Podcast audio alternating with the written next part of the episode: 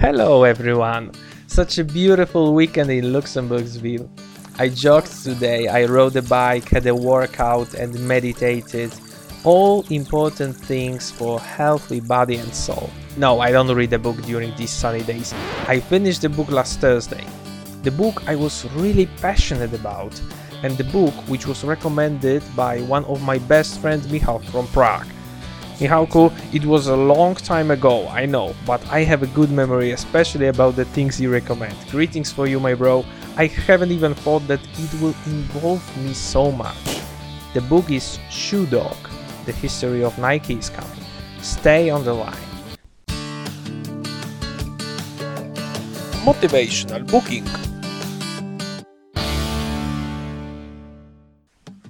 I promised last time to review the other book, my listeners, but to be honest, I'm not one book reader.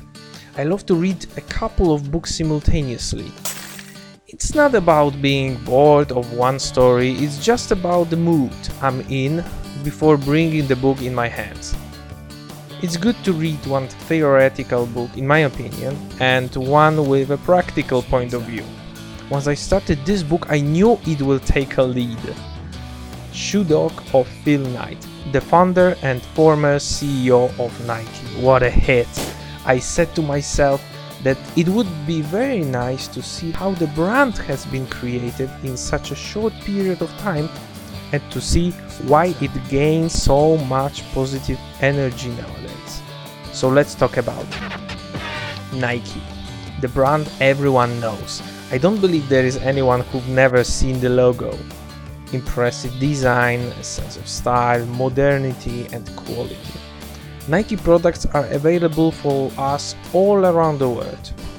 The book describes how everything started in the head of young teenager from Portland, ex-runner, traveler, and dreamer, Phil Knight. Such a great story of making dreams come true. This is what people really like. The whole book is shown from the perspective of Mr. Knight. He explains us facts, describes his life and passions. He tells us step by step how the idea came to his mind and how he struggled with plenty of obstacles. Battles in style of David and Goliath, I might say, constant problems and living from one day to the other. It's something that entrepreneurs know from their experience and happy endings, which is really what we like the most. But what this book can teach us, it's rather as a mm, storytelling, so we can't specifically classify it as a motivational book.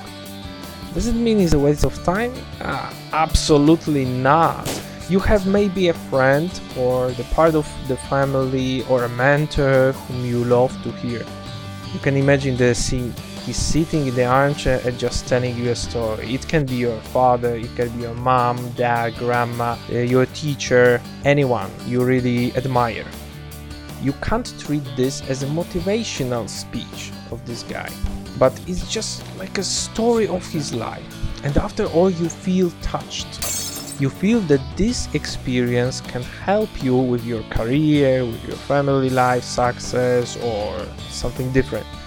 That's how I felt about the shoe dog, the story of Knight on the paper, which teaches you many things. It depends on you which ones are most important for you. Maybe it will be like a story of his journeys, maybe the determination of achieving goals, maybe mistakes he did during his life. I don't know what would be useful for you, but I promise everyone will find something that he can identify with. I found there even too many examples, I might say, which I believe can shape me, which really positioning it very high. Okay, let's talk about the technical part. It's funny as my version of the book is A5 format and has almost 500 pages. What is the funny thing? It's that uh, the English version has 100 pages less. Uh, either the format is bigger or Polish language is more complex, uh, which can't be true actually, as English is the most wordy language in the world.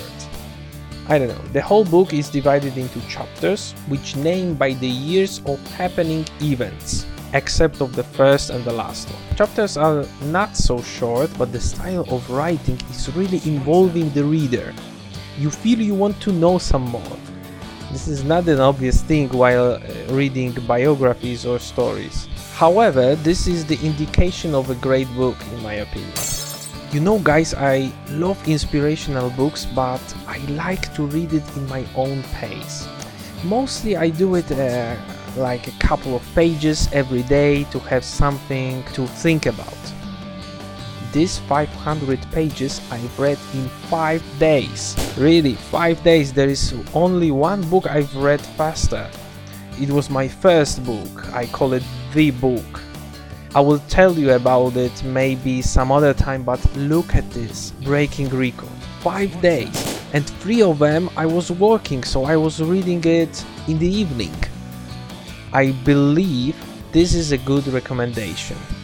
Why it was so? This is all about a couple of things. First of all, very catchy language and the style of writing. Second thing, the topic I was really curious of. And the third thing, the story I really liked and I could identify with. Phil tells you about his young age, his passion, ideas, his character, and being shy at the beginning, dreams, family life, negotiations, uh, building brand, brotherhood of people going totally against the odds and living on the financial line for many years. Yeah, you can't even imagine how long. All those guys that believe that business is a piece of cake have to read this. I don't know it's a good scenario for a movie, I might say, but it teaches you what is the passion and self confidence.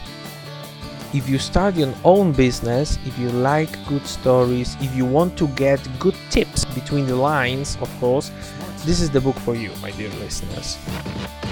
I rated this book as 8 out of 10.